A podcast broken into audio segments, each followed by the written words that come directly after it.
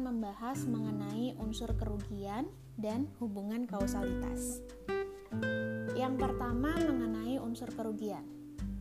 Pasal 1365 KUH Perdata tidak menyatakan secara tegas kerugian yang bagaimana yang harus diganti di dalam sebuah kasus perbuatan melawan hukum.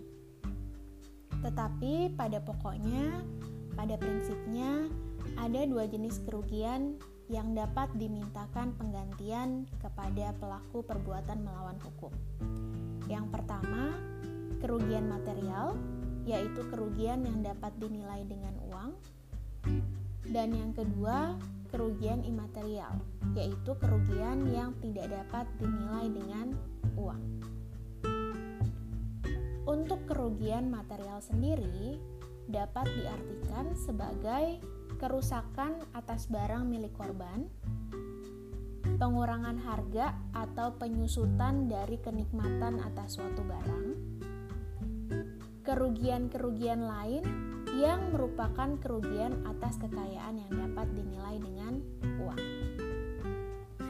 Contohnya, dalam hal mobil A mengalami kerusakan karena ditabrak oleh B, maka sekalipun mobil A telah diperbaiki dan dapat dipakai kembali, tetap ada kemungkinan harga mobil tersebut menjadi lebih rendah daripada harga yang dapat dicapainya kalau tidak ada tabrakan.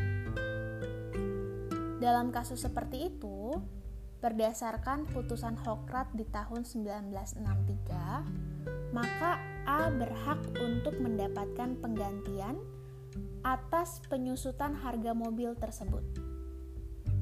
Hak ini dapat dilaksanakan, dapat dimintakan tanpa mempersoalkan apakah A sudah menjual mobil tersebut dan harganya betul lebih rendah atau A baru akan menjual mobilnya di kemudian hari atau bahkan A memutuskan untuk tetap menggunakan mobilnya.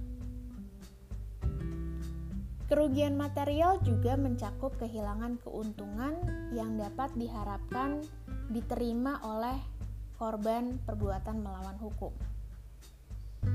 Sebagai contoh, dalam hal ada kerusakan pada sebuah truk sewaan akibat tabrakan, si pelaku harus mengganti bukan hanya biaya reparasi atau biaya perbaikan truk, tetapi juga penghasilan yang tidak dapat diterima oleh pemilik karena kerusakan tersebut. Yang karenanya tidak dapat menggunakan truk untuk beberapa waktu, tidak dapat menjalankan kegiatan usaha menyewakan truknya. Itu untuk kerugian material. Sekarang kerugian imaterial yang termasuk di dalam kerugian imaterial di antaranya adalah ketakutan, terkejut, sakit, dan kehilangan kesenangan hidup. Hal-hal ini adalah kerugian-kerugian yang tidak dapat dinilai dengan uang. Contohnya, dalam kasus pencemaran nama baik, korban menjadi kehilangan penghormatan yang biasanya diterima dari orang lain yang selama ini dinikmatinya. Karena ada perbuatan pencemaran nama baik, dia tidak lagi menerima penghormatan yang demikian. Itu dapat dikategorikan sebagai kerugian imaterial. Contoh lainnya lagi adalah di dalam kasus pengerusakan rumah oleh geng motor, pemilik rumah menjadi trauma dan ketakutan setiap mendengar suara motor. Ketakutan, trauma, dan tadi kehilangan penghormatan yang biasanya diterima oleh korban merupakan hal-hal yang tidak dapat dinilai dengan uang. Itulah yang kemudian dinamakan sebagai kerugian imaterial. Lalu bagaimana dengan besaran ganti kerugiannya sendiri? Berdasarkan jurisprudensi Mahkamah Agung Indonesia pada putusan tanggal 23 Mei tahun 1970 dengan nomor putusan 610K garis miring SIP garis miring 1968 disebutkan bahwa hakim berwenang untuk menetapkan berapa sepantasnya yang harus dibayar untuk mengganti kerugian dalam kasus perbuatan melawan hukum. Jadi, ketika seorang penggugat membuat gugatan perbuatan melawan hukum, menyusun gugatan perbuatan melawan hukum ketika harus membuktikan adanya kerugian material, maka tentunya penggugat akan menilai berapa besar kerugian material yang dideritanya. Berapa biaya perbaikan yang harus dibayarnya, berapa keuntungan yang dapat diterimanya, berapa penyusutan harga yang dideritanya, dan lain sebagainya. Hal-hal tersebut dapat dinilai dengan uang. Penggugat atau korban dapat meminta ahli untuk menilai biaya-biaya tersebut. Lalu, bagaimana dengan kerugian imaterial? Karena tadi disebutkan tidak dapat dinilai dengan uang. Dalam hal seperti ini, jurisprudensi tadi menjadi harus diberlakukan bahwa hakim berwenang untuk menetapkan berapa sepantasnya yang harus dibayar untuk mengganti kerugian dalam kasus perbuatan melawan hukum. Itu untuk pembahasan mengenai unsur kerugian dalam gugatan perbuatan melawan hukum. Sekarang kita masuk ke pembahasan kedua mengenai hubungan kausalitas. Di dalam mengajukan gugatan perbuatan melawan hukum, korban atau penggugat harus membuktikan adanya hubungan kausalitas, hubungan sebab akibat antara kerugian yang dideritanya dengan perbuatan melawan hukum yang dilakukan oleh pelaku atau oleh tergugat. Sehubungan dengan hubungan kausalitas atau sebab akibat ini, ada beberapa teori mengenai hubungan kausalitas. Yang pertama, teori kondisio sine qua non. Teori ini melihat bahwa setiap masalah yang merupakan syarat untuk timbulnya suatu akibat adalah sebab dari akibat tersebut syarat yang tadi disebutkan atau syarat dari suatu akibat adalah bila mana perbuatan atau masalah tidak dapat ditiadakan sehingga akibat tidak akan timbul. Contohnya, ada peristiwa di mana A memukul B Hal ini mengakibatkan B menderita luka ringan. Luka ringannya tidak menyebabkan kematian, tetapi B memutuskan untuk pergi ke dokter untuk merawat lukanya.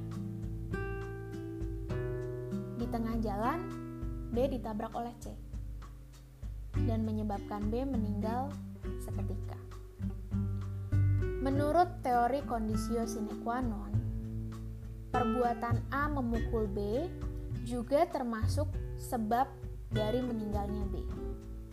Karena jika A tidak memukul B, maka B tidak akan menderita luka ringan dan B tidak akan pergi ke dokter. Dengan demikian, B tidak akan mengalami kejadian ditabrak oleh C. Jadi menurut teori kondisio sine qua non ini, Sebab dari sebuah akibat adalah seluruh kejadian, seluruh masalah, seluruh perbuatan yang merupakan syarat dari timbulnya suatu akibat. Dari contoh tadi dapat dilihat bahwa teori kondisio sine qua non ini sangat luas.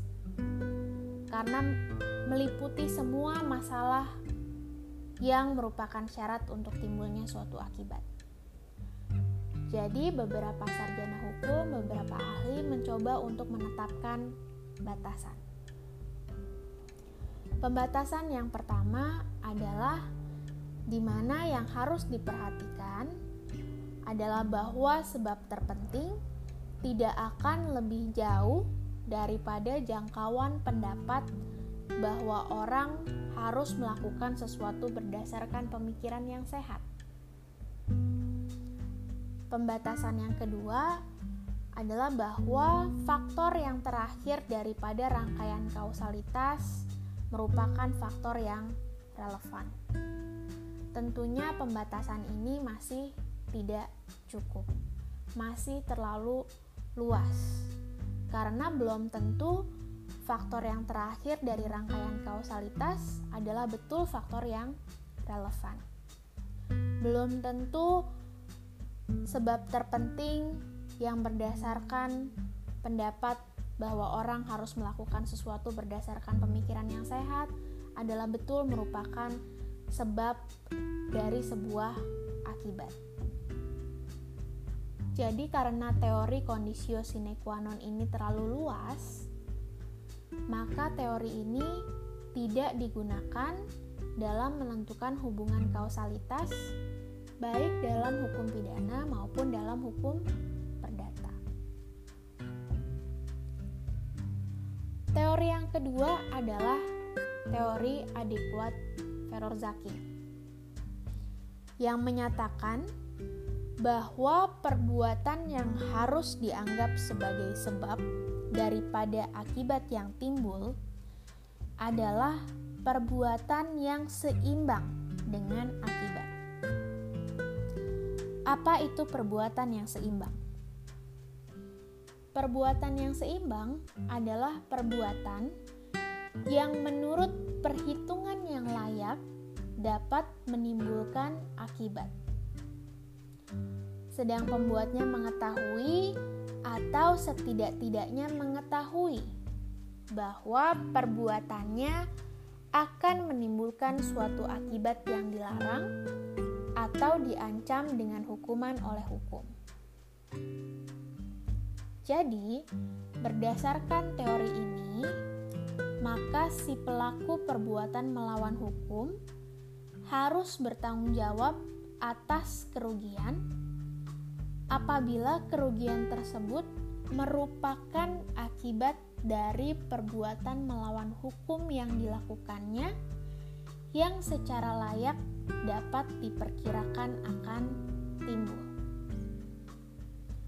Jadi penerapan teori adequate ini sudah sesuai dengan bunyi ketentuan pasal 1365 KUH Perdata, yaitu bahwa tiap perbuatan melawan hukum yang mendatangkan kerugian bagi orang lain mewajibkan orang karena salahnya menimbulkan kerugian untuk mengganti kerugian tersebut. Berdasarkan teori ini, teori adequate Ferorzaki, dari sekian banyak faktor yang sama-sama menimbulkan akibat, yang dianggap faktor yang relevan hanyalah faktor yang menurut pengalaman merupakan faktor yang memiliki ciri-ciri untuk menimbulkan akibat tersebut. Jadi, faktor yang relevan adalah faktor yang menurut pengalaman merupakan faktor yang memiliki ciri-ciri untuk menimbulkan akibat tersebut. Contoh penerapan teori adequate.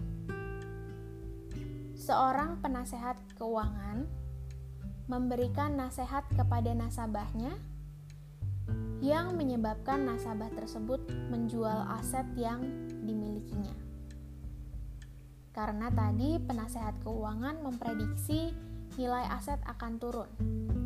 Jadi diberikanlah nasihat kepada nasabahnya, sebaiknya Anda menjual aset Anda.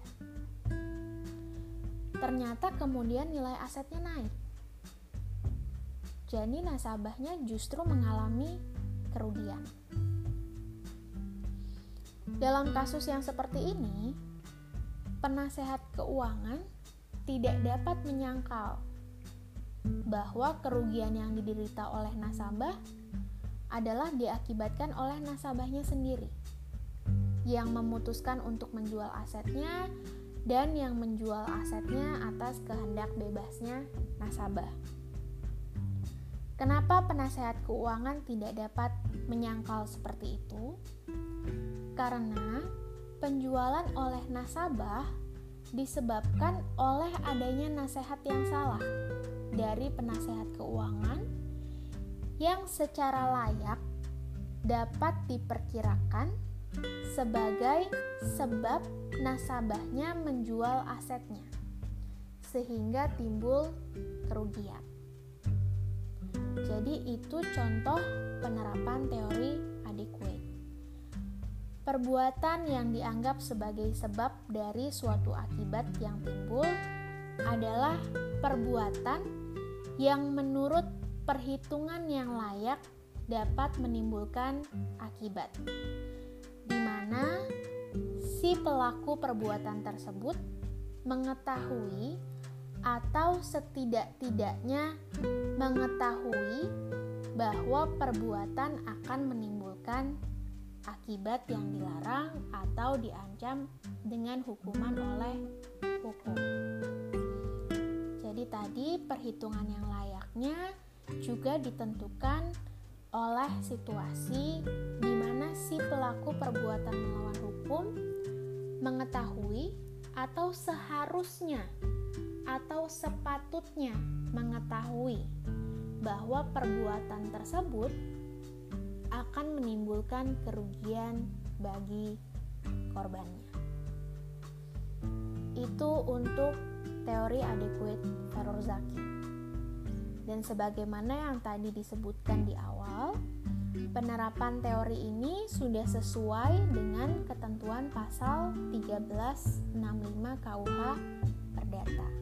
Jadi teori inilah yang perlu diterapkan, yang perlu digunakan ketika menyusun gugatan perbuatan melawan hukum ketika ingin membuktikan adanya hubungan kausalitas antara kerugian yang diderita oleh korban dengan perbuatan melawan hukum yang dilakukan oleh pelaku. Demikian penjelasan untuk materi hari ini. Terima kasih dan semoga sehat selalu.